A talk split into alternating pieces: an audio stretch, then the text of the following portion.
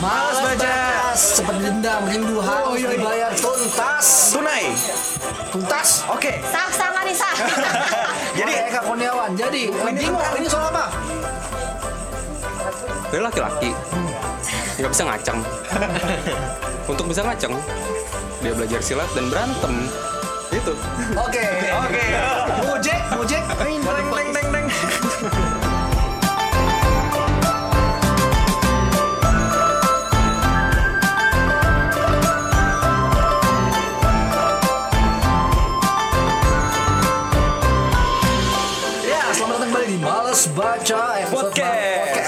Ini adalah podcast untuk kalian yang males baca tapi pengen kelihatan. Pintar. Eh. Bisa ngemeng. Ya, pertanyaan pertama, seperti biasa, kenapa kita mesti ngemeng sama orang kalau kita sudah pernah baca bukunya Eka Kurniawan Judulnya? yang berjudul Pendekar. Seperti Dendam, Oh, Seperti Rindu Dendam. Harus Dibayar Bayar tuntas. Tuntas. Tuntas. Kenapa? Kenapa Eka? Adakah yang bisa menjawab? Oke, di sini sebelum kita menjawab itu kita akan memperkenalkan dulu gue Nosa, host monster kalian seperti biasanya. Ada produser kita Rojak di sini. Halo. Masih ada Rangga di sini. Ada Ici, Cibum. Ici, Ici, Ici. Ici kiwir, ici kiwir Ici sekarang. kiwir. Soalnya kita bahas aja kawir, jadi gue ici Ici kiwir. kiwi. Siap. Asya. Ada Igi di sini. Halo, halo. Dan ada Dito dan ada Bimo. Sebagai narasumber. Narasumber kita ini ya yang sudah baca kira-kira ada empat orang ya. Jadi kenapa kita mesti ngemeng bahwa kita pernah baca buku ini? Bimo. Bim, kenapa Bim? Lo gak pernah ngemeng sih ya? Lo gak pernah ngemeng baca buku sih? Lo gak pernah baca Iya, gue diem-diem aja. Anjing. Gue diem-diem ya. Anjing gak mau berbagi-bagi pengetahuan. Kulit ilmu Oh, susah sih. Kalau kalau kalau kalau lo gimana Ci? Kalau menurut lo, kalau menempatkan diri lo sebagai orang yang malas baca gitu, Iya. kenapa mesti ngemeng pada baca buku ini Ci? Biar lu bisa seneng ketika filmnya keluar, coy. Jadi Yo, ketika yo, pas filmnya keluar, gue udah baca anjir Biar bisa gitu. kritik juga kan. Sukses lu. Bisa Iya. kritik juga, Biar lo bisa ngomong kayak ah gak bakal sukses. Iya. Anjing. Pas keluar, ini Edwin susah nih bagusan bukunya gitu. Oh, ya, harus ngomong. Siapa yang berani stop lawan Edwin kurang ajar. Pada Edwin kita percaya. Edwin kita percaya gitu. Kalau dia dikasih gue ya oke deh. Aduh, Mek. Sih aja. Ah, gini. Untung di tangan yang tepat ya. Tapi gue pengen tahu sih ya kira-kira siapa yang akan main, jadi ojo kawin di film itu ya. Gue udah tahu tapi gak boleh dikasih tahu. Oh, siapa? Eh, itu kalau direct terang itu. Sambal case-nya udah luar biasa banget. Luar biasa. Coba deh lo kasih tau kita, kita sensor. Nggak boleh, nggak boleh. Kita punya sensor. Gue newbie di industri, ntar gue langsung Enggak ditolak. disensor, disensor, disensor. Iya, jadi orang nggak tahu lu ngomong apa. Eh, karena Iya. kita nggak tahu, lo ngomong apa pun kita percaya. Iya, bener. Eh, Satu, ya udah deh, dia cowok cewek. Cowok. cowok lah pas kawir mah kan. Siapa tahu cewek. Eh, Dua pertanyaan. Enggak, enggak, enggak, cowok-cowok kok. Dia grade A, grade B, grade C. Dalam pemahaman gue grade A lah. Grade A, oke. Usianya Grade berapa tahunan? Ini kan kemampuan kan, bukan look ya. Iya, iya, iya. Kalau apa, kalau enggak? iklan-iklan kan grade A itu Enggak, apakah, apakah dengan dia jadi ojo ojo ojo siapa? Kawir, Ojo kawir. Ah, film ini akan terbantu gitu. Kan kalau ada dua kan terga- terbantu tuh ya. Jelas kan kalau posisi ada dua kan Terbantu, terbantu. Kenapa? Karena, karena itu ya. Karena mukanya juga lokal banget. Oh, bukan bukan karena dia impoten. Anjing keren banget. Anjir. double call, karena dia juga mukanya Indonesia banget. Oh, gitu. Oh, Secara Indonesia banget, Indonesia banget ya gitu. dan kemampuan dia juga konon katanya bagus sih gue Tapi lo kan percaya kalau dia jadi super truck? iya percaya Oh, oke. oke. Siapa Oke, kira-kira? oke, oke. Ayo, main tebak-tebakan nama, Buka, kita buka. sensor semua. jangan dong kan ngomongin buku kita ngomongin buku. Oke, oke. iya kita pelan-pelan akan menguak rahasia Ici tahu tentang Yoi. siapa. di tengah lo pernah tahu kan udah dirilis kan Apa? Gue nggak tahu siapa. Nggak tahu siapa. Lu doang. Udah, udah, udah. Siapa, siapa? Tentang Iya, siapa? serial kan Lah dia, oh iya ada Cheryl. Oh iya, oh iya. Udah Udah, udah. ada dia di twitternya Dia Cheryl lah ya. Udah lah aman lah kalau Iya, gitu. aman, nggak percaya lah. Udah lah parah.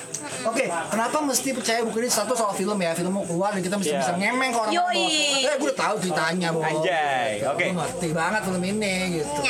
Ya nggak sebagus bukunya. Bla, bla, Karena gue baca, jadi ah, baca. biasa lah. Ya, gitu. ah Edwin nggak bisa nih direct gitu penonton lagi Coba, Jangan Bim, ngerti, kan? lu abis baca buku ini denger Edwin bikin film, lu berani ngomong kayak gitu gak? Kalau gue kan diem-diem aja. Oh iya. Anjing. Eh, lamaran gue masih dipalari. Oh, lu nggak lari.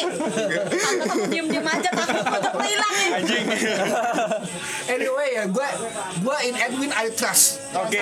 Filmnya pasti akan beda sama novelnya sih pasti, cuman gue in Edwin I trust. Yoi. Tapi skripnya juga dibantuin sama Mas Eka langsung jadi ya. Wah, ya udah lah ya. Udah lah ya. Udah lah, Udah lah ya.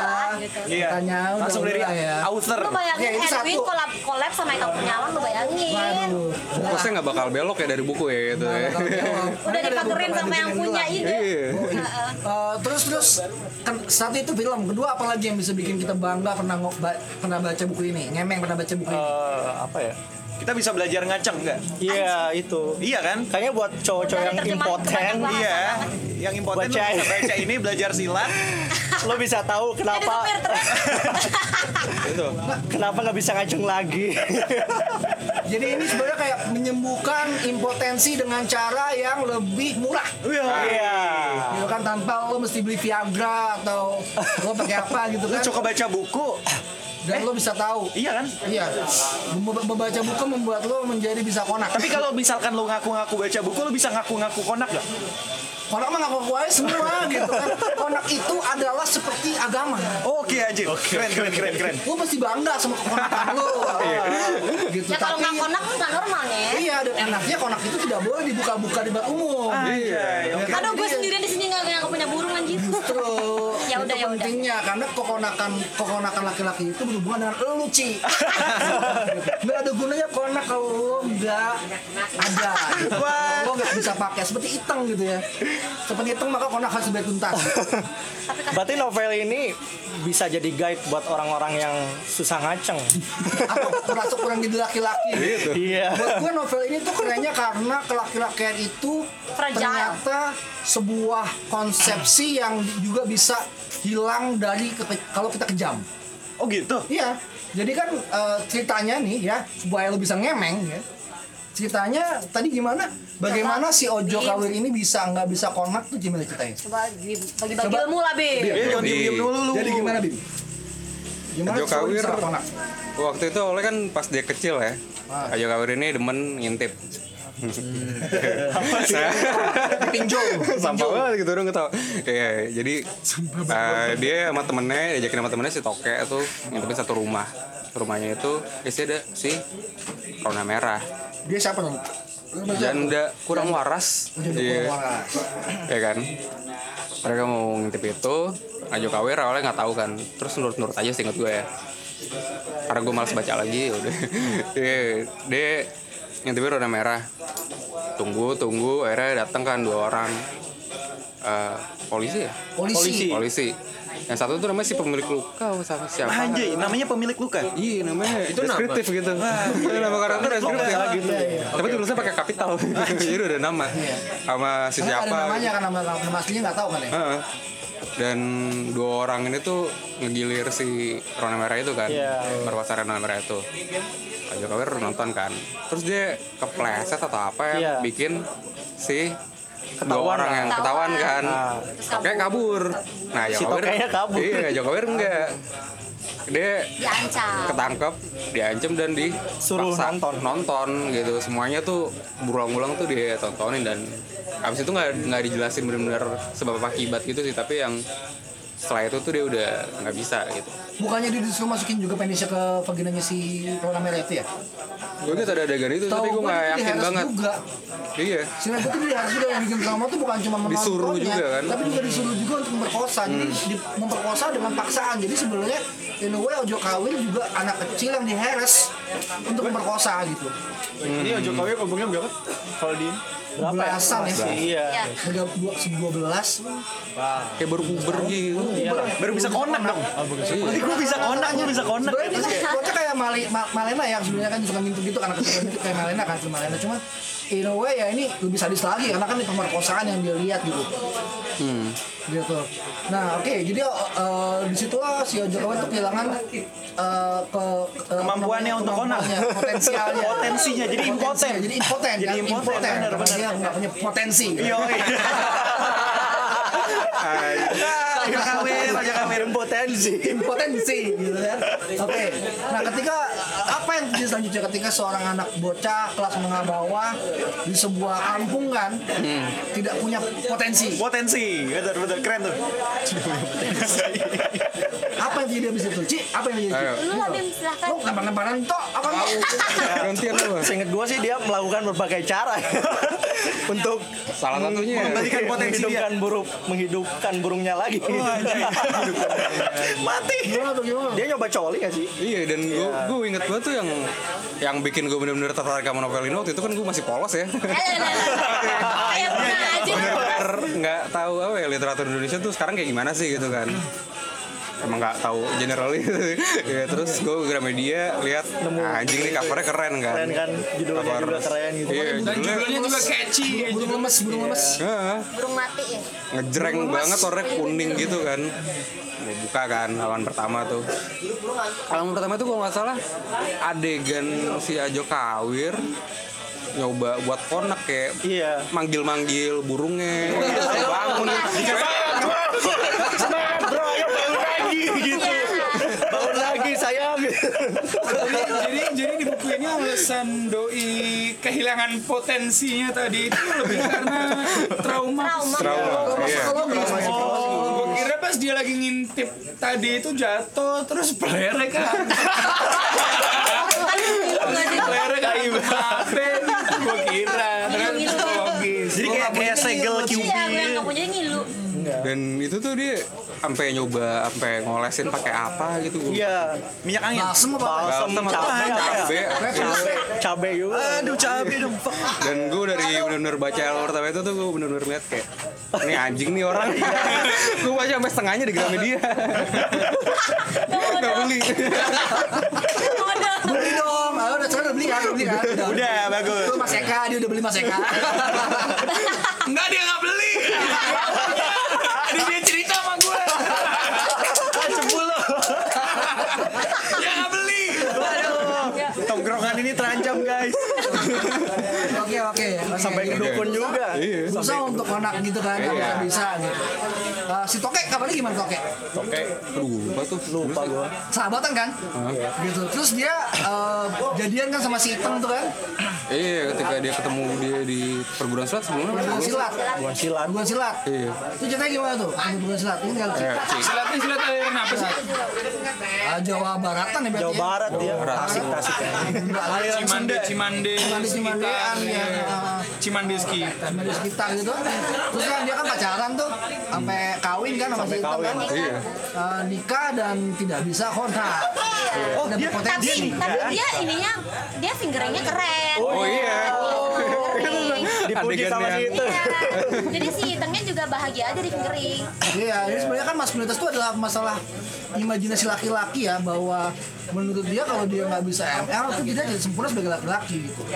Padahal sebelumnya cewek nggak butuh utama juga sih. Ya kadang-kadang, sejujurnya kadang-kadang kita kadang ditindih doang, di- ditindih doang tuh kayak udah seneng aja kadang. Kadang, kadang. gitu. Jadi nggak harus. Oh, ya. gitu. Nggak, jadi kita nggak egois. kita nggak egois laki-laki. Kadang tuh ya kita nggak harus orgasm kalau laki-laki kan harus Nah, sebagai, sebagai Oh, cewek iya. mana lebih penting naratif atau fisikal? Tergantung ceweknya sih. Kalau lo, kalau lo? Gue lebih suka cuddling sih.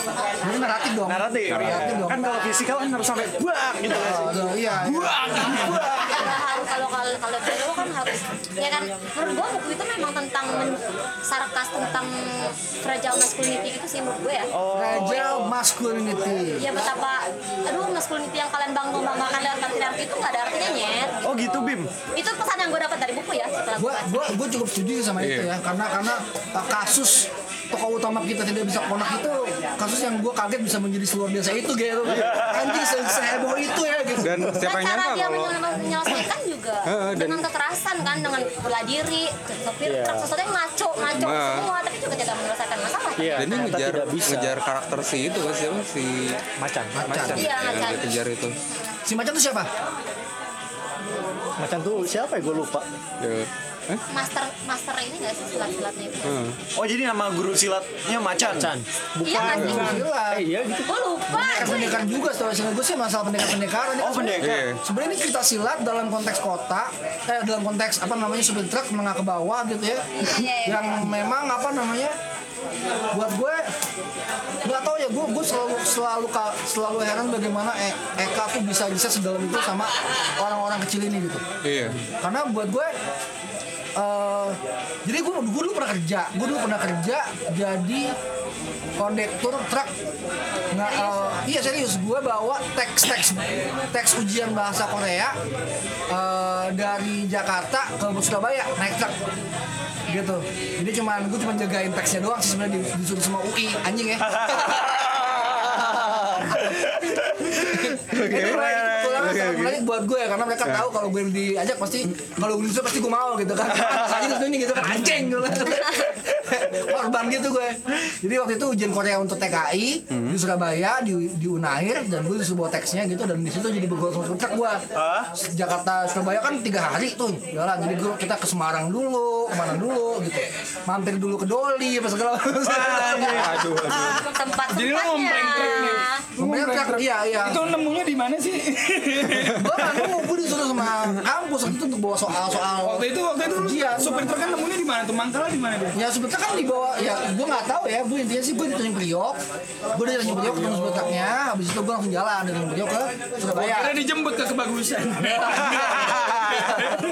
Ya Coy. sih. Terus anyway gue gue merasa bahwa novel ini tuh keren banget karena akurat banget men beberapa penggambarannya gitu. Ketika ketemu sama supporter lain di jalan ketika mereka keras soal apa namanya mereka berantem berantem masalah macam-macam dari masalah janda sampai masalah parkir masalah macam-macam gitu bagaimana mereka bisa nggak tidur tidur tiga hari atau cuma tidur setengah jam 10 menit gitu kayak light sleeping terus jalan lagi gitu. Kayak gitu-gitu. Jadi gue Hubungan antara supir truk sama keneknya juga. sama keneknya juga yang sangat ini Iya, sangat dekat banget. Kan bukan tengah-tengah tuh kan supir truk gue kenek gitu kan. Iya. gue kayak kejepit antara dua cowok ini kan kayak ah, tiga hari lumayan banget. Tiga hari untuk selamanya itu. Ya. Ya, anyway eh, apa sih yang membuat novel ini jadi spesial selain masalah maskulinitas dan truk itu menurut kalian gimana? Apa rasa yang tertinggal ketika kalian eh, membaca ini? Iya itu apa rasanya? Baca setengah halamannya setengah buku di Gramet. Sampai akhirnya lu mutusin anjing gua harus beli gitu. Lu beli itu gue mutusin anjing gue harus minjem. Bokeh pak. Nggak, tapi tapi kayak tadi kan itu udah ngomong kayak motivasi karakter ya kayak gimana cuman nggak bisa konak doang tuh bisa bener-bener jadi motivasi karakter yang jadi drive satu buku itu gitu loh. Jadi motivasi cerita itu bergulir gitu kan. Dan kayak adegan fingering itu yang menurut gue bener-bener spesial sih. Lu bener-bener bacanya tuh bener-bener kayak action action action gitu loh. Oh wow nice. Gila. banyak ada kan ada penulis yang kayak mereka banyak mereka banyak yang deskriptif dalam artian kayak menggambarkan sesuatu dengan romantis gitu kalau baca penulis-penulis Victorian atau Gothic literatur kan kebanyakan kayak gitu tapi kalau yang di sini benar-benar kayak action action action dan ya lo bayangin aja kayak adegan fingering itu berasa kayak adegan silat gitu serius actionnya tuh benar-benar Iya. kental banget, gitu kental banget. Uh, itu itu satu lagi soal Eka ya. Heeh. Kalau kita ngomongin tadi uh, minggu lalu kita ngomongin soal bilangan eh bilangan, bilang, Biologi saman. saman, saman, Biologi saman. saman gitu. Eh samanya doang ya? Samanya doang ya, samanya doang kita ngomongin Nyebrang-nyebrang larung dikit Terus kita apa namanya melihat bahwa Ayu Tami juga ada beberapa bagian yang deskriptif dan banyak kayak uh, apalagi di bilanganku uh, dia banyak banget ngomongin yang filsafat dan abstrak gitu ya. Ah. Itu sesuatu yang nggak bakal lo temuin di karya-karyanya Eka gitu kayak Iya. bener-bener straightforward banget. Straightforward ya. Ah, dan dan gue saking sukanya sama Eka itu dua tiga buku Eh, cantik itu luka laki harimau sama apa namanya seperti dendam itu gue beli buku Indonesia tiga tiganya dan gue beli buku bahasa Inggrisnya tiga tiganya Wow. jadi gue punya dan gue bandingin itu gue bacanya Inggris dan gue kagum sama penerjemahannya sih mungkin terjemahan judul yang paling jelek adalah seperti dendam ya kayak judulnya jelek banget nggak bisa dapat Apa judulnya? all Vengeance Avengers is mine Vengeance is mine Iya. oh, Paycast. Audi Paycast itu nggak nggak nggak dapat Apa ada kurang. basic? Saya- saya- saya- nggak ngerti sih. Nggak, ka- ka- karena kan so- judulnya itu kan judul stiker. Heeh. Iya. Itu Orang bule nggak mungkin ngerti. Iya. Itu Konteksnya nggak dapat itu. Iya. Struck Truk banget. tuh kita doang Iya yang ngerti iya. Indonesia banget. Indonesia banget. Asia banget yang ngerti itu stiker truk gitu. Dan nggak ada stiker truk kayak all pay cash tuh nggak ada gitu. All pay cash. Karena nggak punya cash. Eh, bukan kalau kalau pun ada kayak gitu pasti bahasa Inggrisnya tuh eh, bukan bahasa Inggris gitu. Iya, bakal- Kayak bakal awkward bahasa sih. awkward yang aneh banget itu kayak apa namanya? Uh, gue pernah baca di TikTok ada tulisan far for far for si nauli. Apa? Far for si nauli. Fa- Far for si dan jauh untuk Far for si nauli. jauh untuk melihat Nauli. N O W L Y. oh, Sekarang tapi kata adjektif. Far for si nauli. Fuck. Gue nanya dong sama supirnya, Iya, Pak, apa artinya Pak Far for si Nauli? Oh, karena saya nama saya belakangnya Nauli, marga saya Nauli. Oh. Terus Forsi itu kampung saya di di Batam, di di Sumatera, Forsea. Jadi Iya. Jauh dari Forsea Noli, namanya. Noli jauh dari Persea. Pak Forsea Nauli itu soal kampung dia Nauli dari Nauli dari Forsea itu dia nama dia itu. astagfirullah Gitu. Tapi kayak bahasa Inggris gitu. Jadi kalau buat gue terjemahan itu mungkin bisa lebih aneh lagi kalau misalnya mereka mau Iya. nyamain Cuma tetap aja orang bule tuh nggak bakal paham. Wih, tapi gue dapet gitu. impresi keren nih maksudnya kalau misalkan ngelihat dari gimana dia gambarin konteksnya itu seolah novel ini tuh uh, Indonesia banget ya. Iya, itu Gak sih, ada yang- yang, apa bu- bukan Indonesia kayak budaya Indonesia yang diawetkan tapi justru Mas Eka ngebawa ini ke ranah yang lebih modern dan kontemporer lagi gak sih? Iya, betul. Mungkin ada yang beberapa yang aneh yang agak cukup mengganggu gue itu itu lo enggak? Gue lupa deh. Itu dia orang pertama apa orang ketiga sih ngomongnya? Orang ketiga. orang ketiga Orang ketiga berarti uh, omnipoten ya? Ya kan yang menjelaskan tentang iya kan? karakternya Uh, oh iya iya benar benar. benar. Iya. Karena itu ketika dia ngomong orang ketiga dia bisa pakai kata-kata yang lebih intelektual kayak vagi- vagina, penis gitu. Tapi kalau orang pertama yang ngomong, lu semua harus sesuai sama bahasa bahasa sesuai dengan bahasa Iya. kekayaan kekayaan yang tidak mungkin dimiliki sama bahasa sama bahasa bahasa non Indonesia. Cuma terjemahan bahasa Inggrisnya bagus banget karena dia pakai slang slang gitu loh untuk ngomong kalimat-kalimatnya. Kayak ya dik pusi apa apa gitu dipakai.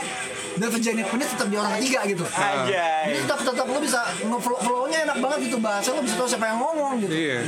keren banget sih. Ini translatannya punya tantangan kultural yang tinggi juga Wah, berarti gila ya. terjemahannya bagus banget. Terjemahannya bagus. Isinya ya walaupun judulnya gua agak-agak Iya ya udahlah ya. Eh, em, dan secara konteks apa ya gue pernah ngobrol sama Ungguran Praset uh, vokalis Melancholic Beach. Dia kan temennya Eka juga ya. Gue ngomongin soal beda generasi dan beda masalah. Kenapa generasi-generasinya Eka eh, Ugo gitu ya 98, 97 itu apa sih sentimen masalahnya selalu? Sentimen masalah tuh menurut dia kalau kita bikin ini, ini sembarang ngomong aja kita ngobrol-ngobrol sambil ngopi gitu ya, adalah masalah bapak. Bapak kebapaan militer. Gitu. masalah masalah tirani masalah tekanan-tekanan senjata gitu. Jadi kalau kita lihat Tekanan-tekanan opening, senja. opening opening ya itu bedanya zaman sekarang tekanan-tekanan senja. Zaman dulu tekanan senjata.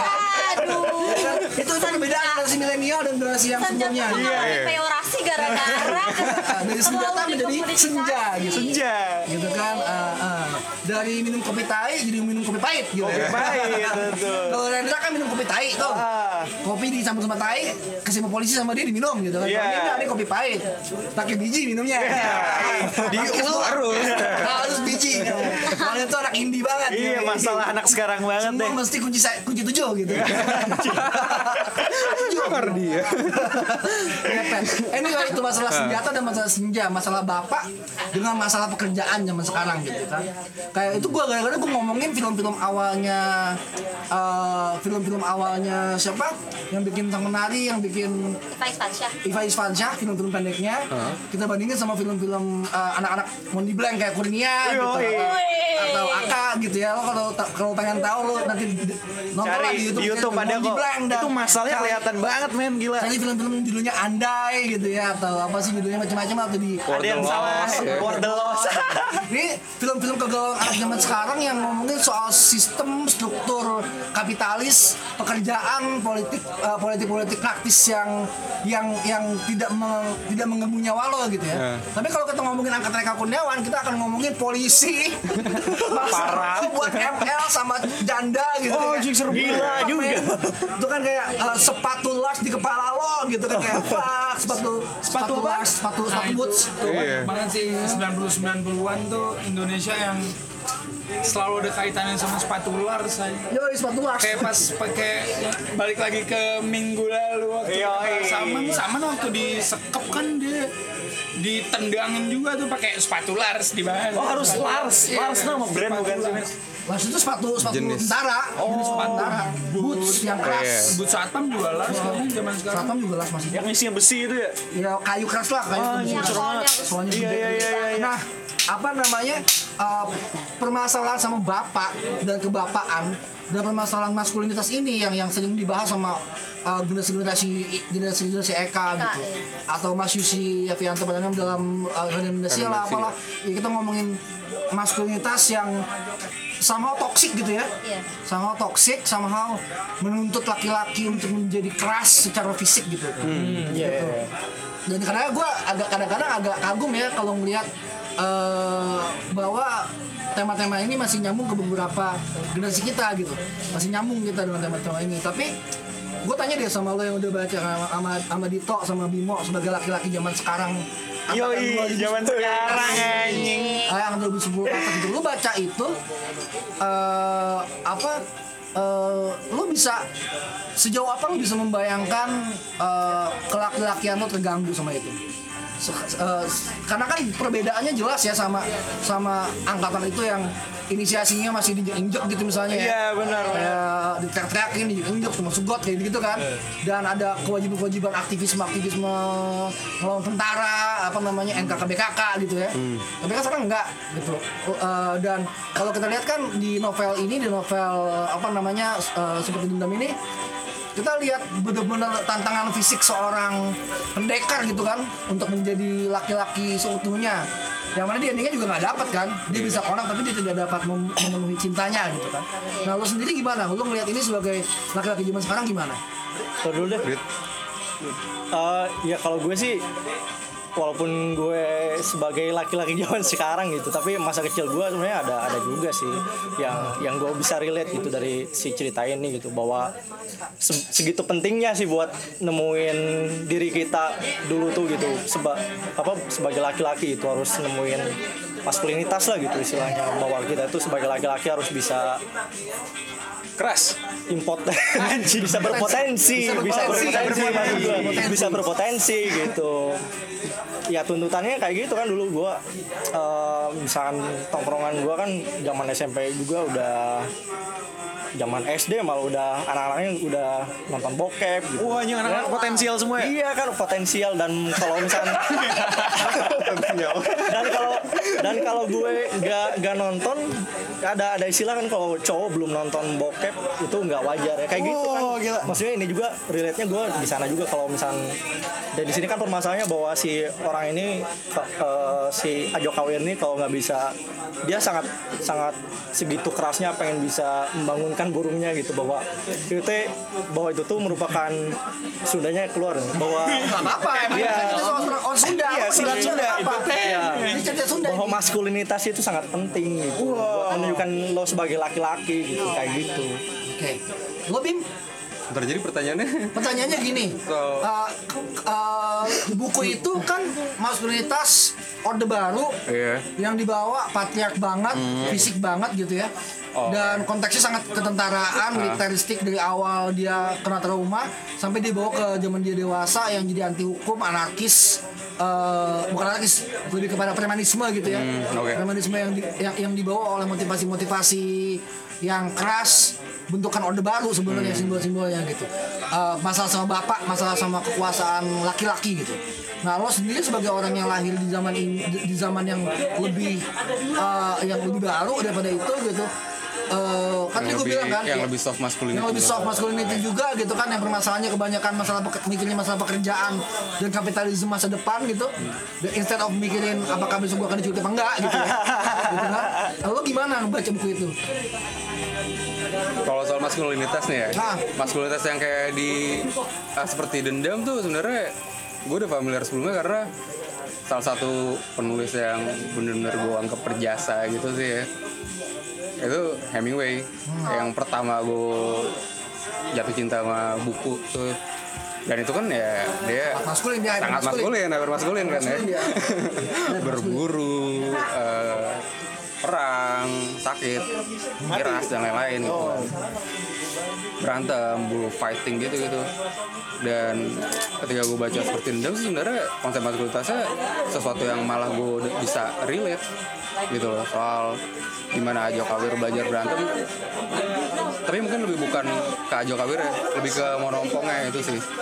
Gimana dia anak eh, anak eh, SMA anak yang masih lebih muda gitu ya.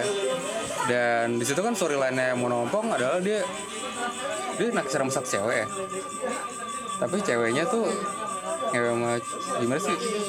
Iya dan banget. gimana? Gimana? Lupa Gue cilik nggak cik? ceweknya tuh ada. Pokoknya cewek antara ngewe sama cowok lain atau kayak gimana gitu. Dan yang menjadi motivasinya untuk mono yang gue ingat ya untuk monompong membuktikan maskulinitasnya. Yang dia kan agresif banget tuh. Dan itu sih storyline yang monompong tuh bener-bener yang gue tangkap dan gue bisa relate itu loh ketika gue sampai ke storyline monompong tuh gue langsung kayak ini gue kayak zaman SMA juga gini juga gitu soalnya zaman SMA gue masih ada SMA SMP tuh masih ada sisa-sisa tataran di sekolah kayak gitu sih yang emang wajib diikutin kalau emang mau jadi laki gitu sih Oke, Iya. oke. Nah, gue tanya sama yang belum baca bukunya nih dua orang cowok dulu. Nah, Ici, bentar lagi gue akan nanya lo sesuatu berkaitan dengan apa yang gue tanya ke dua cowok ini ya. Ke Igi dan ke Rangga nih. Gue pengen tanya, di eh, minggu lalu kita ngobrolin soal bagaimana Ayu Utami tuh mengeksplorasi seksualitas perempuan gitu, yang sampai sekarang masih relevan ketika kita ngomongin soal Tara Basro dan kebebasan tubuhnya gitu ya, seperti uh, body positivity, yang ternyata kita masih sangat patriarki soal tubuh perempuan, dan eksplorasi seks- seksualitas gitu. Nah, gue masih ngalamin zaman eh, VCD porno, zaman eh, ketika orang masih pakai apa namanya? ngalamin gue ngalamin Stensil. Ngalamin ya, Pakai stensil. Stensilan. Cuman eh, dari VCD porno ke internet itu gue udah gede, udah gede banget gue gitu, udah udah udah udah eh, apa namanya SMA lah ya, SMP SMA, SMA lah. Nah, gue pengen tanya deh, kalau dari kalian sendiri gitu, sebagai laki-laki, eh, gimana sih kalian mengeksplorasi seksualitas kalian gitu? Buat zaman zaman kalian masih baru puber, kan kita ngomongin si Ojo Kawir ketika dia baru puber, Iya. di dia mengalami trauma yang sangat militan gitu ya kan kalian eh, ekspresi seksualnya gimana kalau kita mau adil mungkin gue gue bisa eh, sharing bahwa gue pernah kayak eh, ngadu coli sama temen gue pernah ngadu coli yang paling lama dong, yang paling tahan enggak ya? enggak enggak kalau dulu karena karena ini kita kita belum itu, dikonstruk ada Iya, kita, kita belum dikonstruk bahwa ngancerit lama itu lebih maskulin.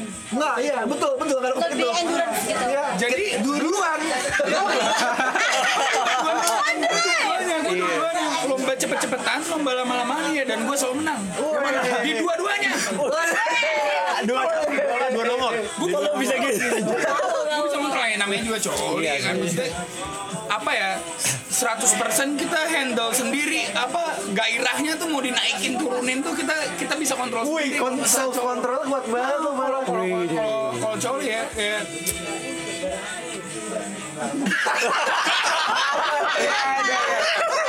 Iya iya iya. iya. em, hubungan berkaitan sama seks kalau selain dari seks banget juga masih bisa dikontrol sih sebenarnya Oke, kalau lu Gi? Penetratifnya masih bisa dikontrol. maksudnya sebenarnya. bisa bisa cuman kalau seks banget kayaknya agak sulit di situ tapi Seks. pengalaman seksual lo waktu puber selain lo mau coli apa lagi apa yang eksplorasi lo gitu ini kalau gue ngerasa gue agak aneh karena gue dari awal emang punya kecenderungan sadomasochistik sih. Kalau gue jadi gue awal punya urgensi untuk eh, ngelakuin ejakulasi tuh awalnya bukan karena cewek telanjang karena cewek telanjang tuh biasa banget menurut gue gitu loh. Itu hal yang biasa aja maksudnya gue di rumah itu sampai akhir-akhir SD masih masih kadang-kadang suka mandi bareng sama mama gue dan gue nggak ngelihat tubuh cewek itu kayak anak-anak seumuran gue ngeliat tubuh cewek gitu. Itu hal yang biasa aja buat gue gitu. Nah, ya udah sampai situ dulu deh. Tapi tapi begitu lo sadar bahwa oke gue hidup bisa konak gitu ya. Ini kita ngomongin kekonakan puber ya. Dan gua eh, konak dan coli itu bahkan jauh sebelum dari gua bisa ngancrit jadi tubuh gua belum bisa memproduksi sperma. Kelas berapa? Umur berapa? kelas 3 SD Oh, kelas 3 SD oke.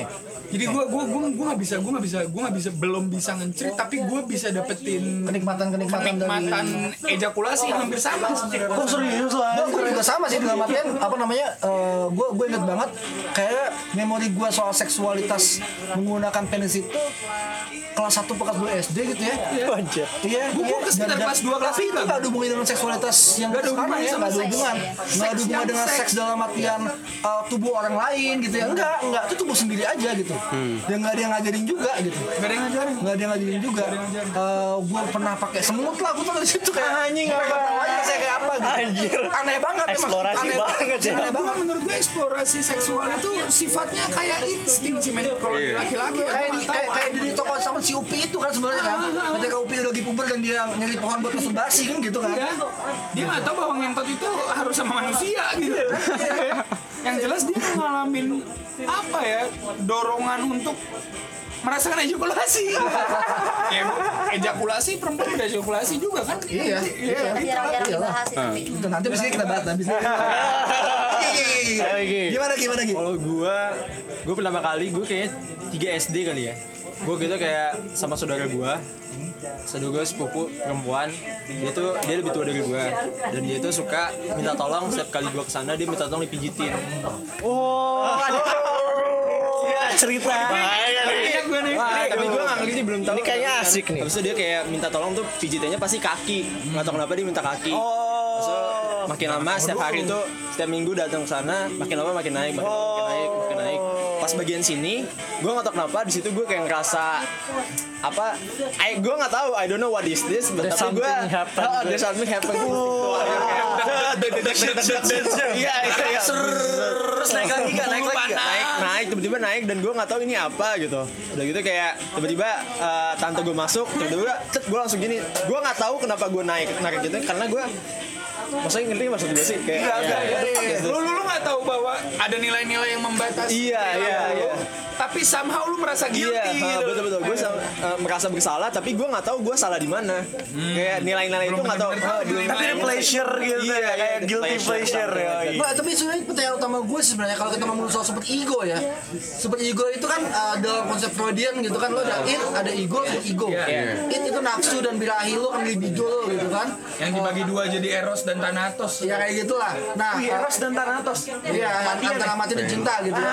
Terus habis itu uh, di ego adalah uh, self lo yang memilih, Iya. self yang memilih gitu mengambil keputusan dan uh, super ego adalah aturan-aturan yang sebenarnya adalah sisi uang sisi mata koin lain dari it gitu. Dia sekeras nafsu lo sebenarnya. Itu the big the big other yang dibilang sama Zizek bukan sih? Iya, jadi Iya, itu the yang big other. yang lo di, di, di, dikasih tahu sama sama tokoh tokoh dalam hidup lo entah itu ibu bapak atau Sosok authority lah. sosok authority yang bilang bahwa itu dosa itu nggak boleh itu dosa gitu nah gue pribadi gue nggak inget kapan gue merasa itu dosa gue nggak inget Gue nggak pernah merasa itu dosa sampai hari ini.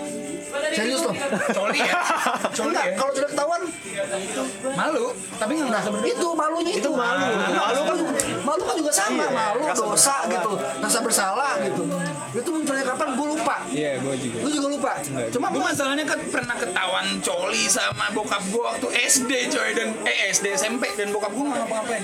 Ya gue lagi coli di kamar mandi di kocak. Coli di kamar mandi pintunya lupa gue kunci. Dan gue sampai naik-naik ke tembok gitu. Sekali gue sampai tembok gitu. Menjiwai banget. Itu menjiwai banget dalam dalam coli. Menjiwai banget gue. Tekniknya, teknik. Itu kak itu alasannya gue bisa coli sambil baca. Baca Yasmin sama Saman. Gitu sambil baca nih pokoknya gue sampai naik naik tembok gitu tiba-tiba bokap gue masuk itu pas banget lagi klimaks langsung gue lepas. Gue lepas ya buku gue ya buku gue tapi ngentrit gue curut curut curut curut Lu bayangin kayak itu gue malu banget. ya gue malu banget. Ini kayak film komedi. Tapi gue gak pernah bahas pernah bahas. Kamu ngapain gitu? Ini malu juga. Ini malu juga. harus menyaksikan itu. Awkward. Masa gue main naik-naik ke tembok coy ya? di kamar mandi kamar mandi rumah gue yang lama tuh antara WC tempat boker sama bathtub tuh ada tembok gitu banget. Tembok. Nah, gue naik ke atas tembok sih. Terus kalau ngomongin eksplorasi seksual, seksual tuh sampai naik-naik tembok, coli ngencrit segala macam dengan berbagai posisi. Terus hubungannya apa nih? Nggak, jadi gue ngerasa bahwa sebagai laki-laki kita ini dikasih privilege untuk bicara soal seksualitas lebih parah daripada perempuan. Jadi ketika, gue rasa nggak adil ketika ketika orang-orang mulai ngomong Lesti Tara Basro uh, uh, apa namanya uh, punya campaign body posi- positivity atau saman la, Sam- saman dan karya-karya yang di notabene dibilang sastra wangi gitu. itu dibilang sangat seksual apa segala. Tapi ketika lu dengerin misalnya Ici lo dengerin kita cowok-cowok ngomongin soal seks sebebas itu gitu. Itu suatu hal yang lebih lumrah untuk cowok omongin tapi kalau cewek yang ngomongin suddenly become a more apa ya sesuatu yang lebih berdosa gitu Iya, gimana sih? dasar cewek nggak bener anjir Nah, Iya, iya, gue iya. nanya, lu kan tadi dengerin kita ngomong cowok-cowok nih kan, cowok-cowok ini ngomongin soal seksual dengan dengan enaknya, dengan bebasnya. asiknya. Sementara gue inget banget kemarin ketika kita pertama kali ngajak Ici ke Malas Baca dan kita ngomong jorok, Ici udah langsung sepanang gitu. sepanang ini definisinya apa nih ya kayak gitu, eh, eh, ups, eh, eh, ups gitu. Banyak sensor, tapi gak gue sensor sih. ya lu nggak sensor lu aja lu tayangin kampret gue udah ngeri gitu Nah, gue anjir pendapat lo sebagai perempuan ya punya gue. Sebagai perempuan, pendapat lo gimana tentang ini kan tadi kan kita udah ngomongin eh, apa minggu lalu kita ngomongin saman dan eh, golongan sas- yang dilabelin sastrawangi su- yang yang ngomong soal seksualitas Ya. perempuan. Dan itu di, dimomokin banget kan, diobjektifikasi habis-habisan oke, kan. iya. Yang mana sastrawangi juga kan adalah sebuah termin yang dibikin laki-laki gitu. Sastrawangi Sastrawangi itu sebenarnya apa ya? Mohon maaf nih kalau ini pendapat gue ya. Sepertinya itu eh, laki-laki yang merasa egonya terluka dan me- mengeluarkan itu untuk membenarkan bahwa segimana bagusnya lu tetap aja cewek men gitu loh. Jadi Wih, akhirnya argumen finalnya gitu ya, lu cewek. karena gini, soalnya itu dikeluarkan oleh eh, penyair, mohon maaf nih, penulis laki-laki yang udah ter, terla- lebih dulu datang di industri sastra, udah keburu firm, dan seakan-akan tidak ada ruang untuk perempuan masuk. Dan mereka mer- somehow gue ngerasa mereka terancam dengan kehadiran sastrawangi karena memang masuk Tami, Dewi Lestari, yang masuk ke dalam golongan sastrawangi itu ya. Eh, Dewi Lestari emang iya. Iya, Termasuk- termasuk disebut karena cantik kan. Iya.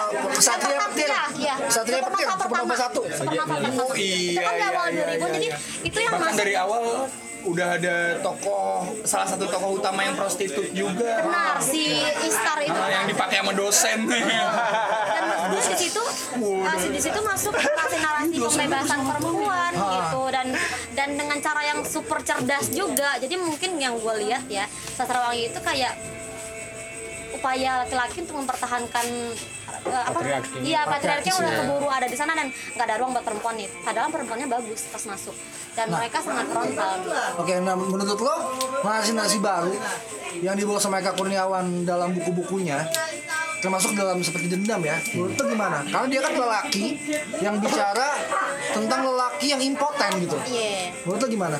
Ya, tapi menurut gue di situ ada narasi pembebasan juga sih maksud gue gini eh, kita- bahwa libido itu tidak eh, eks- eksklusif punya laki-laki gitu perempuan juga punya libido yang sama gitu kita punya libido yang sama jadi tapi entah kenapa ruang untuk eh, laki-laki bicara tentang libido itu jauh lebih luas ketimbang perempuan ketika perempuan ngomongin libido anjing perek lu sunda lu hancur gitu. padahal kita juga Kok punya Sunda, libido. anjir? sunda Sunda, Sunda. Kosa kata bahasa Indonesia banget ya. Baca. Kebanyakan baca terminologi sih. Padahal kita punya nafsu yang sama, kita punya libido yang sama, kita punya sexual drive yang sama. Kenapa kita nggak boleh bicara dengan porsi yang sama gitu? Yoi. Iya kan? Jadi ketika uh, nah, di situ gue ngeliat kan si Iteng akhirnya selingkuh kan?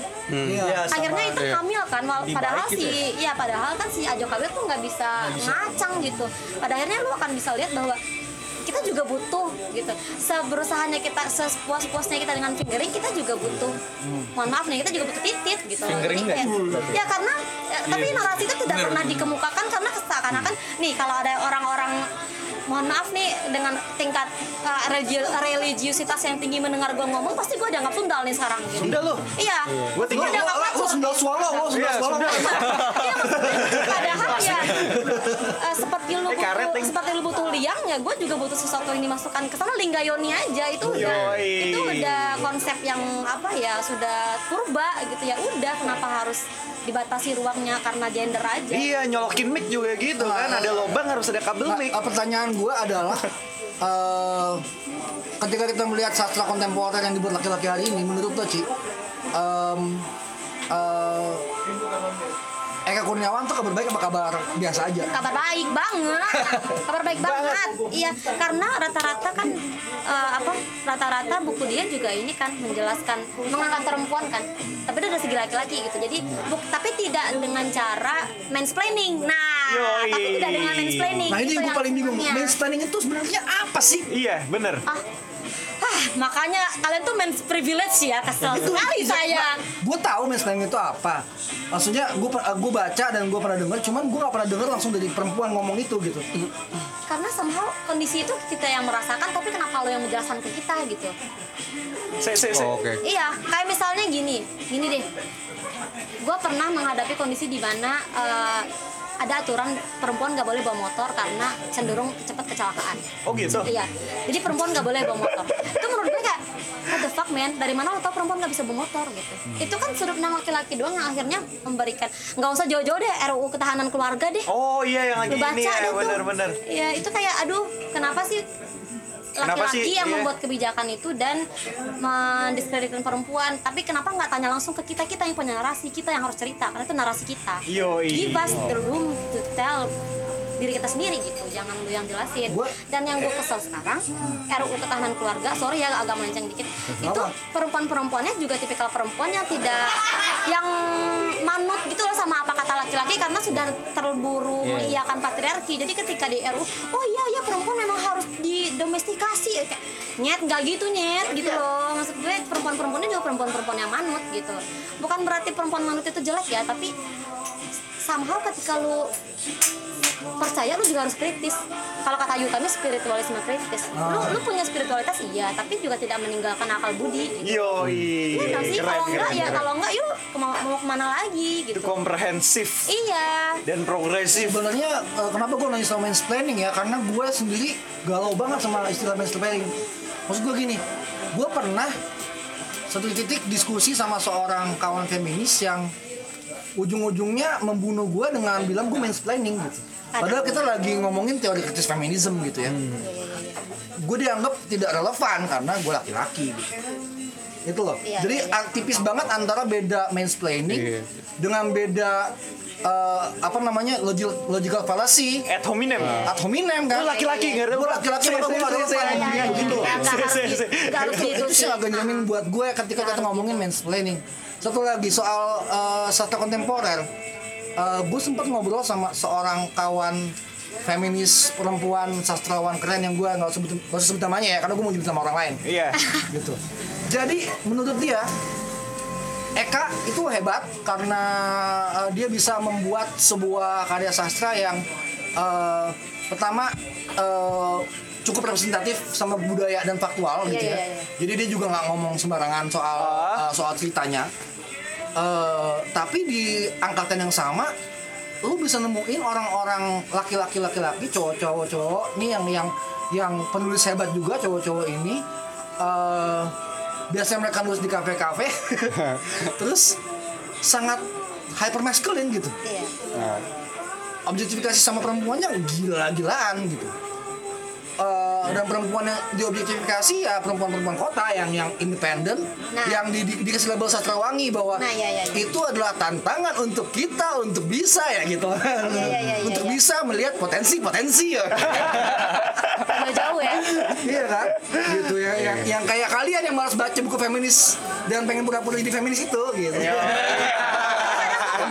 kenapa cowok-cowok jadinya kayak agak males dengan feminisme ya? Karena kadang ketika lu mencoba berempati lu nggak dikasih ruang karena lu keburu kayak lu laki nih gitu. Padahal kan kadang movement itu butuh laki-laki gitu. Iya, iya. jadi ketika menurut gua sih ya ada beda-beda orang feminis. Ya gue juga bukan feminis cuman gue pro humanity aja sih sebenarnya. Cuman ketika ada laki-laki yang ingin berjuang bersama dengan lo menciptakan equality kenapa enggak gitu tapi ada beberapa orang yang langsung sensi gitu loh sama laki-laki Ini ngomongin apa? eh tadi kita apa seperti dendam Iya. rindu harus dibayar tuntas. itu kan uh, katanya ngomongin tentang fragile fragile fragile masculinity. masculinity gitu Iya. kan apa bedanya fragile masculinity dengan good masculinity dengan toxic masculinity gue bisa kayak jelasin deh kalau toxic nggak jadi gini uh, fragile masculinity itu sebenarnya eh, adalah eh, apa namanya pengetahuan soal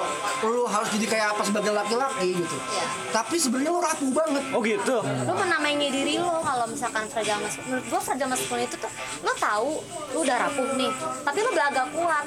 Gitu. jadi misalnya nih jadi kemarin gua baru baca ini jadi contoh kecil aja Eh, cowok tuh jarang banget ngebahas eh jarang banget ngebahas masalah perawatan kulit kan. Gitu padahal lu nggak lu juga berhak untuk tampil ganteng lu juga berhak merawat kulit tapi kenapa nggak pernah di- dibahas? Kalaupun dibahas produk-produknya itu pasti mengandung nama kayak protek. Oh, iya. maco-maco gitu kan. Formen ya. Formen. Tameng gitu kan. Terus ya kalau iklannya tameng gitu kan kayak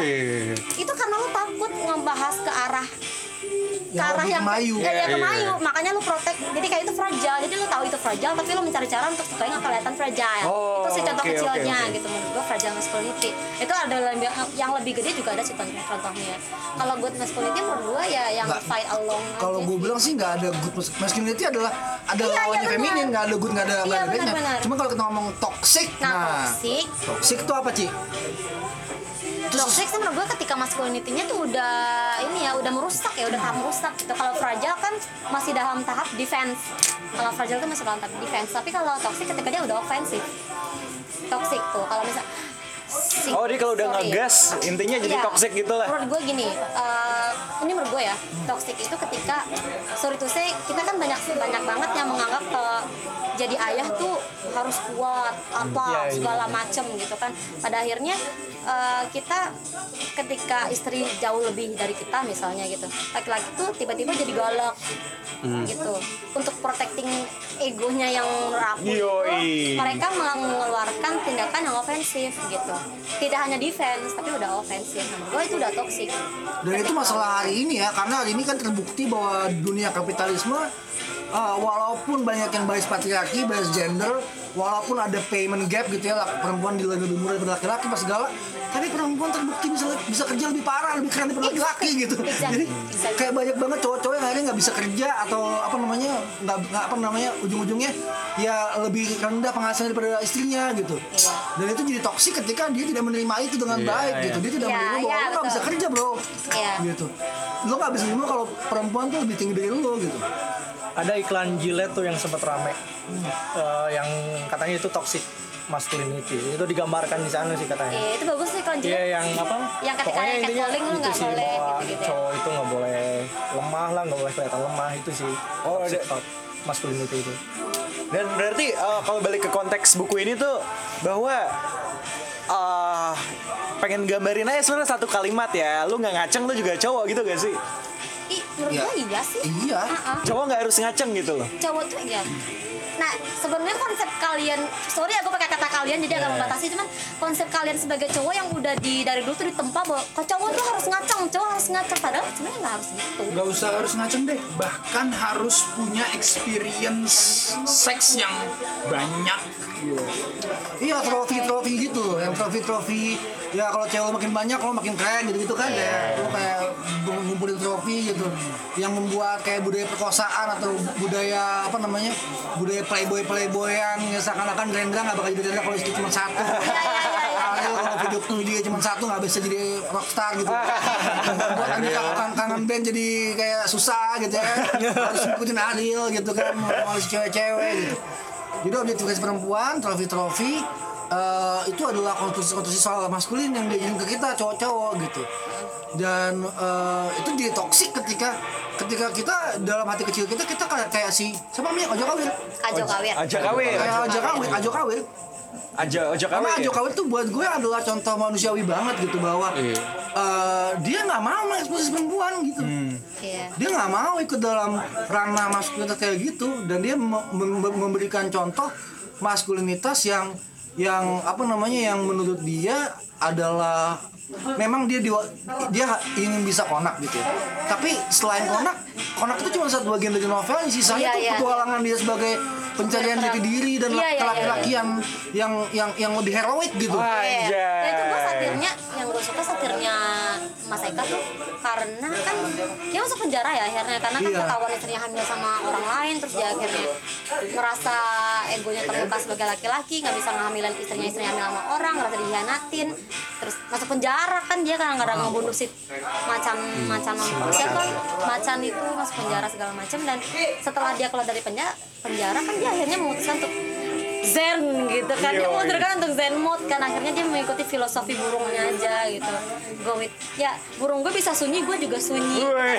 Gitu gak sih kalau Iya, iya, betul, Iya, betul. jadi keren banget. ketika akhirnya dia memutuskan oh gue sunyi aja kayak burung gue burungnya malah berdiri ya gak sih Oh, gitu? ah, Iya. berdiri Iya. betul iya dan itu kayak menurut gue itu satir dari Eka bahwa untuk menjadi maskulin lu nggak harus jadi machonism gitu lu bisa zen dan menerima diri lu itu juga cukup maskulin kok gitu itu yang gue itu yang gue pelajari dari buku ya Itu benar, itu benar. itu yang gue dapat dari buku gitu karena akhirnya ketika dia zen dan menerima dirinya kalau dia nggak bisa konak akhirnya dia konak Itu kan juga membuktikan soal perkosaan ya maksud gue.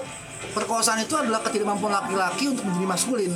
Dia memaksakan dirinya untuk Benar, menjadi maskulin. benar. Yang terjadi di India misalnya yang per- perkosaan di bus itu itu kan yang sampai meninggal itu diperkosa pakai besi men. Waduh. Karena yang perkosa nggak bisa konak. dan dan itu nggak jarang juga untuk kasus-kasus kayak gitu jarang. pakai alat yang brutal Anjing gitu iya, di, di Indonesia yang gue denger kasus-kasus itu yang pakai cangkul segala macem anjing. Gue sempat lihat fotonya kayak banget. Mati ya? ya iya mati. lu Serem kate ya. aja. sampai mati. Dan, dan buat gue itu adalah toxic masculinity yang gila-gila. Karena lu nggak bisa naikin itu dan lu memilih untuk ngambil jalur kekerasan tapi yang lo sasar adalah perempuan gitu. Iya, iya. sementara kalau Ajo Kawin sasar preman lain gitu. iya iya benar. benar heroik banget gitu. Iya. itu kayak Dexter gitu kan yang yang uh, Dexter pembunuh pembunuh saya pembunuh itu pembunuh berantai itu ya kan? yang itu pembunuh berantai lain gitu kan? Jadi ada kompas moral yang jalan di situ. Kompas moral itu yang penting di di, di novel ini gue rasa. Iya, iya, iya. kompas moralnya yang jarang dimiliki laki-laki sebenarnya. Dan gue pernah kayak di cat Eh, ya gue pernah di catcalling gitu. Yang nggak usah sam- sampai perkosaan tuh tuh far ya. Kecil aja catcalling. Kayak kita cewek nih lewat terus neng pipit pipit itu biar apa? Gue kalau gue sebenarnya kesel banget digituin sumpah anjing. Gue kesel banget digituin kalau digituin gue nyamperin abang-abangnya Terus? Iya gue samperin ada apa bang? Nggak pernah lihat perempuan. Gue gituin terus diam Jadi kayak gitu-gitu para perempuan-perempuan ya pesan buat lo pada kalau di catcalling samperin abangnya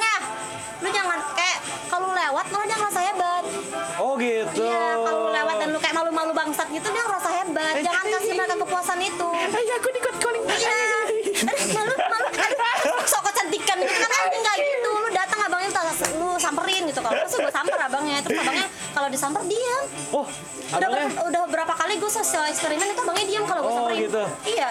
Terus itu gue ajak ngobrol. Gue pernah ngajak ngobrol waktu itu. Terus terus terus terus. jadi uh, setelah Apakah lu abang ada ini video nggak? video vi- viral wik wik wik wik Iya, iya, nggak itu lu? yang ngomong. enggak enggak Oh, bukan. gue pernah waktu itu lewat gue di wik wik wik digituin. Gue Ah, mau ah, ngerti konteksnya kan. Gue datengin abangnya. Kenapa bang? Gue bilang gitu. Oh enggak karena neng lewat aja biar bisa apa bisa apa? Enggak gitu bang gue bilang gitu. Terus gue tanya pada akhirnya gue ngobrol kan gue ikut nongkrong tuh pada akhirnya. Ya dengan satu batang rokok cukup lah. Yoi. Ya, rokok tuh cukup baik ya untuk Iya, itu gue setuju.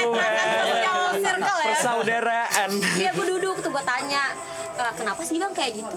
Kayak dia ngerasa intinya dia ngerasa keren dengan kayak gitu. Dia merasa dia hebat catcalling catcalling kayak gitu bahkan dengan kayak gitu aja lu ngerasa hebatnya betapa betapa rapuhnya lu gitu sebagai laki-laki Oh, gitu. see. hanya untuk menaikkan diri ngelak- catcalling gitu sebenarnya dia ngelakuin itu biar dia terlihat hebat di cowok-cowok yang lain, bukan di ceweknya, di cowok-cowok yang lain. mungkin juga mungkin juga. pressure cowok-cowok sedih tahu kayak gitu-gitu. Karena gue jujur gue waktu pas masih rumah di Kalibata gue setiap hari nge-catcallingin cewek padahal gue masih SD. biar apa coba? Tar dulu. Masih Mas. SD masih Kita akan perang, kita akan Iya. perang guys. Gue nggak punya temen, eh, terus gue sering main sama anaknya tukang soto di seberang. Anaknya tukang soto, akhirnya gue nongkrong di warung samping tukang soto. Yang nongkrong, yang nongkrong di situ kebanyakan mungkin seumuran gue sekarang kali. ah, Mereka suka ngitolin cewek dan apa ya? um, akhirnya gue ikutan gitu loh. Ini gue gak, nggak tau motif mereka apa ya. Cuma motif gue waktu itu gue pengen lebih hebat dari semua abang-abang ini gitu sampai gue sampai lebih ekstrim kayak neng sini neng gue masih kecil gue masih ekstrim. Neng ayo neng. Bangor banget.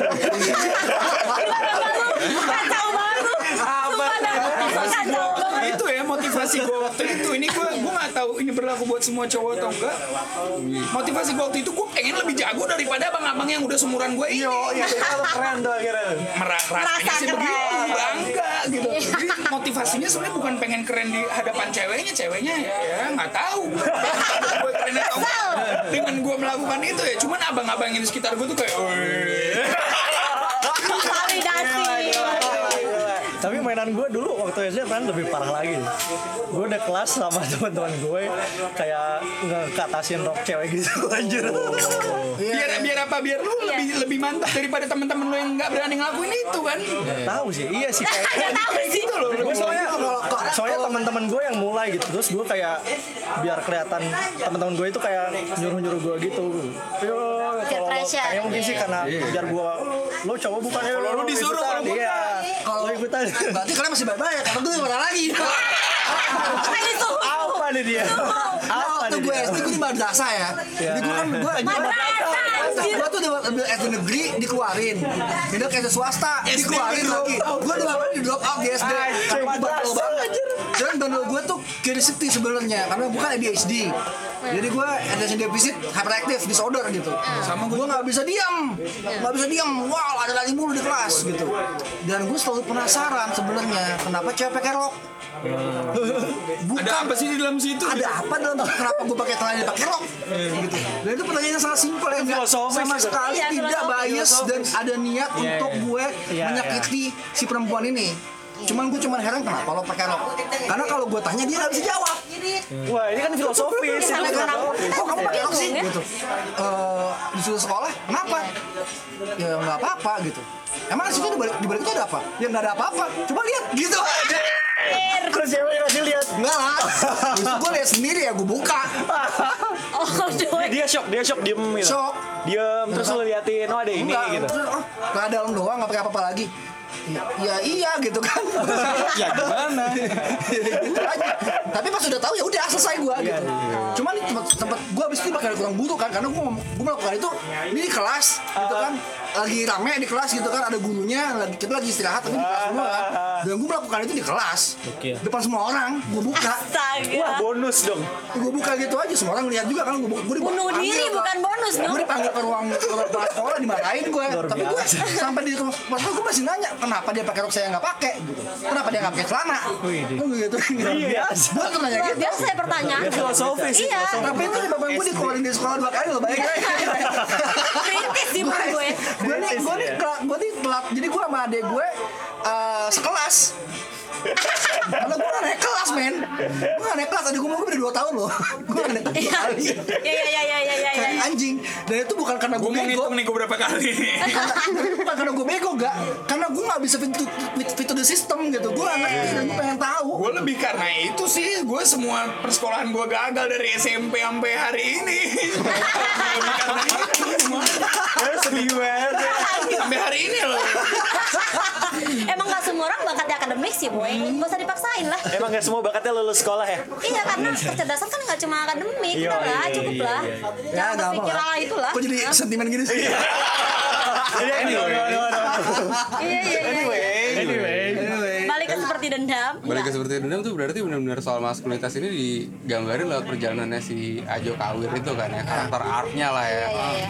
dan sebenarnya Kurniawan nulisnya nggak cuma sekali nggak cuma nama Ajo Kawir. Di mana dari dia yang coba apa ya ngebangun konstruk eh, ngebangun maskulinitasnya dengan violence dan lain-lain gitu kan. Dan yang payoff-nya juga sebenarnya dikit kan ketika dia bener balas dendamnya dan yang akhirnya kan storyline dia banyak kan yang dia jadi super truck yang udah kalem solo. tapi ketika di titik itu tuh ada si Mono Ompong itu kan yang ngalamin karakter art yang sama kan yang gue lihat menariknya sih di situ Mono Ompong juga ada kasus molest molest harassment juga kan ya dia sama si super truck siapa si kumbang ya iya iya hmm sekumbang Hmm. Dan itu ngebuat apa ya? Ada variasi soal perjalanan soal maskulinitas itu kan antara Jo Kawir sama si Monompong itu ya. dan ketemu sama si yang orang gila tuh siapa? Jelita Heh. Ingat gak sih lah nih ketemu Jelita sama yang Jelita jelek ya? Iya yang kayak Konon katanya jelek Abang katanya jelek. Tapi yang main gak jelek anjir Siapa siapa Siapa? Siapa? Siapa? Iya, iya, iya. tapi emang maksud gua Selipet ke selipet. ketika sedihnya tuh ketika dia udah bisa konak itengnya masuk penjara nggak sih jadi kayak sedih aja ketika dia udah menerima diri self acceptance udah bisa konak lagi udah bisa make love sama istrinya yang sah istrinya masuk penjara jadi kayak aduh sedih aja endingnya kita berharap berharap itu happy ending kan Tapi ya udahlah gimana lagi udah masuk penjara Eh, Dan masuk itu dia- penjara happy ending gak sih? Enggak. ya akhirnya konak gara-gara jelita nggak sih Iya, dibantu jelita itu nggak sih Iya. Yang akhirnya oh kok bisa konak sama orang yang ternyata nggak cantik ya gitu sama yang orang kayak orang gila juga kan hitam kayak apa kayak bara nah ini juga yang lucu nih kenapa dia bikin nama tuh kayak hitam yang kita definisinya kayak jelek tapi cantik Cakep banget. jelita yang definisinya kayak tapi kayak jelek Jelek. gitu Tapi hitam kan bahasa Sunda cantik, men. Kalau kabayan kan Hitam, hitam. Iya.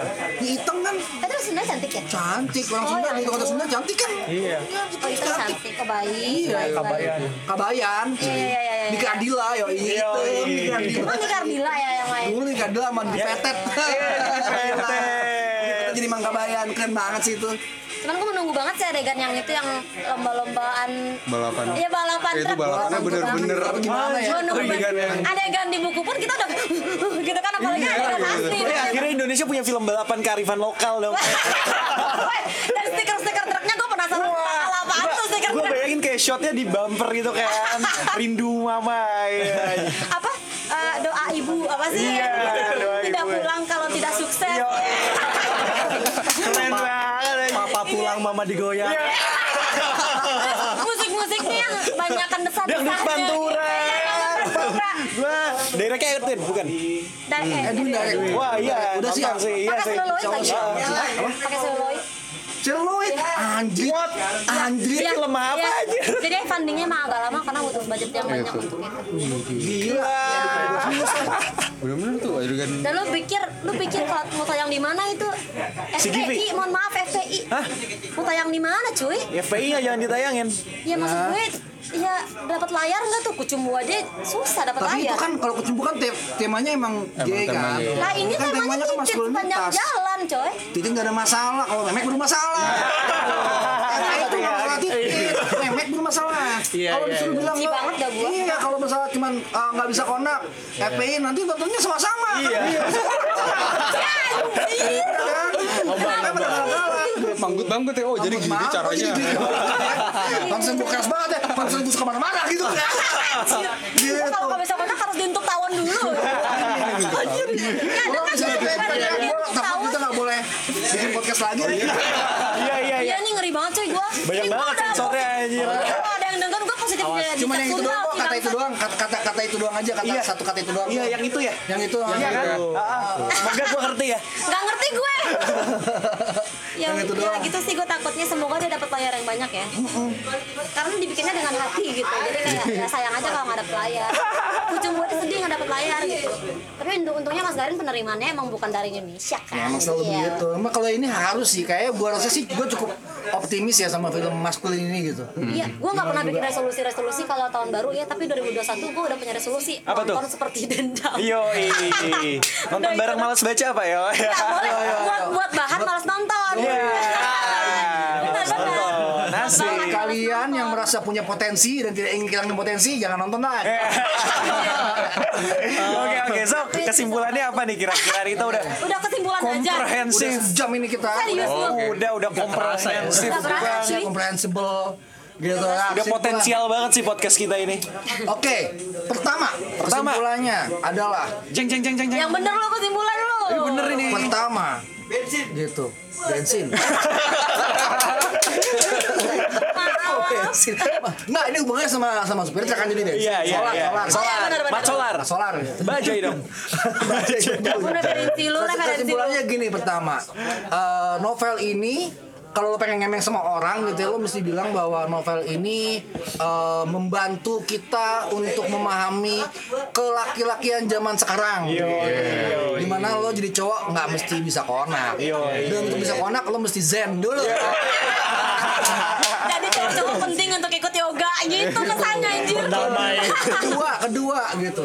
Ketika ada ada kata-kata gitu. Cowok itu cuma ngikutin cowok itu cuma ngikutin titiknya doang gitu ya. Iya. ada yang ngomong gitu kan? Iya. Itu salah Yang Karena bener. kebanyakan cowok ngikutin egonya bukan titiknya. Yo, Karena kalau dia Ben lu bener ngomongnya. Iya dong.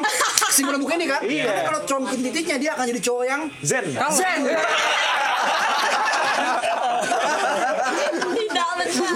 Baiknya memang diikuti titiknya tapi ya sekali-kali lo ngobrol deh. Iya, jangan diikutin aja. Jangan Suka cuma ngobrol. ngeracunin dengan dengan Viagra gitu. Jangan jangan cuma ngeracunin dengan itu gitu ya.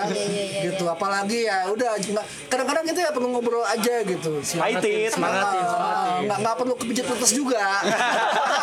Lagian capek kalau sih pakai Viagra. Kalau dia kalau Oh, gitu? capek nggak sih pakai tahu? Viagra? Enggak gua nanya doang kan gua nggak pernah. Gue juga gak pernah. Masa? Karena gue kuat-kuat aja sih. ya elah. Ajak sih. Cuman apa aja? Cuman setidaknya kalau lu pernah nggak sih ngerasain ngaceng yang ngaceng terus sampai lu anjing ngapain lu ngaceng mulu sih? Oh, gue pernah itu. enak. Nggak enak. Makanya. Pernah waktu suatu hari gue mabok uh, Shopee. Eh enggak, bukan Shopee namanya. Mabuk diskon dong Shopee. Ada ada minuman, ada minuman di Flores itu. Waktu itu gue minum sama preman-preman Flores waktu gue lagi penelitian bukan Shopee. Moke, Moke. moke. Gue mabok moke. Moke itu campur sama kan? rusa, janin rusa sama pasak bumi gitu ya. Waduh. Emang buat konak kan. Wah, iya. Nah, gue pengen dapet data tuh dokumenter kan. Jadi gue mesti bisa bergaul sama preman-preman kan. Gue minum itu, gitu kan. Ngomong tuh preman-preman ngawo dapet tuh semua tesnya kan. Selesai itu gue tiga hari gak bisa berhenti konak. Anjir. Berarti lo keliling nyari data. Nyakitan Iya. sekali. Pegel ah. Pegel. Dia kelingnya data ya kejepit titik gua. Gitu kan kayak pasang ngerasanya gimana mas? ya ya susah banget. Pakai sih. sarung Bisa, aja. bisa, Bisa, tapi bisa, tapi susah. harus diarah-arahin. Ini gue gak ngerti. diarah-arahin dulu. Udah diarahin juga sempit itu itu tidak sama sekali tidak enak ya dan kasihan juga itu Joni gue aja. Oh ini dikasih nama. Jo, kasih dong. Tapi gue sering gitu loh, padahal nggak minum apa-apa. Itu penyakit nggak sih? Eh, bukan, itu, itu- emang harus konak pagi-pagi. Itu itu oke kipit lo nggak berhasil. Berhenti coy. Tapi lo kayaknya minumnya kebanyakan kali, jadi maskulin banget. Nggak juga sih emang mestinya habis itu ML kali ya. ya maksud gue ya itu mesti dilepaskan, cuma kan masih kerja gitu. Oh, nggak Tapi gue minum oke sebotol kecil yang kuat tanggung tuh sebotol mabuk sih. Kuat berapa hari? lo Enggak, enggak, enggak. lo nggak pakai pasak bumi, lo nggak pakai ada janin rusa. Nggak tahu gue. Gue campuran akarnya banyak banget di bawah situ, men gede banget, mungkin bikin sendiri, men gila, gitu. Anyway, balik ke Iya, iya, apa, konak. Ah. balik ke apa namanya seperti dendam ya. Iya. Jadi tadi lo bisa ngomong soal itu ya maskulin itu zaman sekarang beda gitu. Jadi kalau lo tidak berpotensi gitu, lo bisa mulai melihat potensi lo dengan cara yang berbeda. Iya. Sebenarnya dengan cara zen gitu. iya betul. Kuncinya, kuncinya di situ, zen. Siapa tahu akan ada potensi lain yang terbuka gitu kan. Yo, yo, Dia jadi bijak gitu. Fuck. Emang tuh buku keren banget sih Mas Eka. Mas Eka kita terima kasih sama Mas Eka ya. Iya. Thank you banget. Bikin lu mikir sih. Kalau Udah gue baca itu dulu deh, ntar ya. baca jadinya. Gak tau sih kalau misalkan gue laki-laki gue pasti mikir sih emang maskulinitas gue itu ditentukan kan dari titik doang ya gitu. Kalau gue laki-laki gue tapi nggak tahu sih kan gue bukan laki-laki. Oh gitu. Lo Kalau gue laki-laki gue bakal mikir gitu. Gue gak terlalu banyak makan isu gender sih, jadi gue ngejalanin hidup yang enak menurut gue aja gitu. Karena men privilege. Maksudnya contoh, contoh gue sering juga dibebani sama konsep-konsep bahwa laki-laki harus begini, laki-laki harus begini ya harusnya begitu. Cuman enak atau enggak gitu. Kalau gue orang yang sesimpel itu enak atau enggak? Iya sih. menurut gue nggak enak ya gue enggak deh. Kayak gitu. Nah, itu tuntutan yang berbeda sih konteksnya gak maksud gue ada gue kenal beberapa orang temen eh, yang punya masalah ejakulasi dini ya apa ejakulasi dini? ejakulasi dini Iya. ya dini Iya. Iya. Udah pulang. Gue sensor aja. Dini siapa Dini? mantannya ojek Jadi jadi anyway anyway maksud gue gini. Eh, eh, apa namanya? Lo nggak ngalamin nggak bisa konak soalnya kalau lo ngalamin nggak bisa konak teman-teman gue ini curhat sama gue dan dia punya istri misalnya punya anak anaknya ada dua misalnya dan dia kehilangan kemampuan untuk eh, apa namanya ereksi gitu ke istrinya itu kayak orang kehilangan organ tubuh Oh gitu men. Iya dong. Ada satu organ tubuh lo yang tidak bisa berfungsi. ter- terfungsi dengan baik gitu. Beda sama perempuan yang mungkin masih bisa pakai lubrikan atau apa gitu untuk bikin basah gitu ya. Laki-laki ya kalau nggak bisa ya nggak bisa gitu. Jadi eh, secara biologis kita akan balik ke insting tua dasar aja gitu bahwa kalau dia nggak bisa ereksi ya jadi masalah buat dia gitu. Dan itu jadi masalah ketika memang ada yang tergantung sama ereksinya kayak istrinya gitu atau pacarnya gitu. Atau dia dirinya Atau sendiri. dirinya sendiri yang paling penting dirinya sendiri Iya, sih dirinya karena tepatnya. ujung-ujungnya kan eh, ketika dia merasa bahwa nih paling berat ketika seorang laki-laki itu sudah ter apa ya? Kontaminasi ter- bukan? apa bukan namanya ter, terkebiri secara sosial.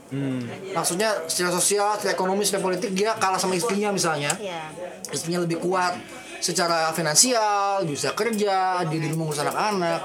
Dan ketika itu modal dia cuma ereksinya doang dong. Hmm, gitu. Dan ketika itu hilang. Bebannya berat banget itu. Kayak kayak, kayak tadi gue ngomong sama apa namanya gue gue gue mengutip Harari dalam buku yang 21st Century. Nah, itu udah gue udah mulai baca. Oh. belum selesai. Tapi buku itu ngomong gini ketakutan utama manusia hari ini adalah menjadi irrelevant. Gitu. Irrelevant tuh artinya udah nggak ada guna dan nggak ada nggak ada makna keberadaan. Ketika seorang laki-laki eh, impoten secara sosial politik ekonomi Dan dan, seksual. pun ya. dia kehilangan relevansinya dalam kehidupan ini. Dia bisa depresi. Dia Dan bisa hampir depresi sepenuhnya dalam bertemu iya begitu. Dan Ajo Kawir di dalam konteks eh, novel ini dia ber- dia berusaha menemukan menemukan relevansi itu dalam hal-hal lain kan gitu. Iya. Tapi pertanyaannya kalau dia sudah ti- tidak punya hal itu apa yang akan terjadi gitu kan itu sebenarnya Dan apakah pertanyaan itu akan menutup kesimpulan kita malam ini? terserah kalian itu gimana Igi ada pertanyaan nggak Gi? Seba- Pertanyaan. Ah, kalau lo pengen ngaku pernah baca ini ada nggak yang mesti lo tahu lagi Eh apa ya? Jadi pengen baca deh gue. Ah, gue sebenarnya juga pengen baca penasaran banget sih gue.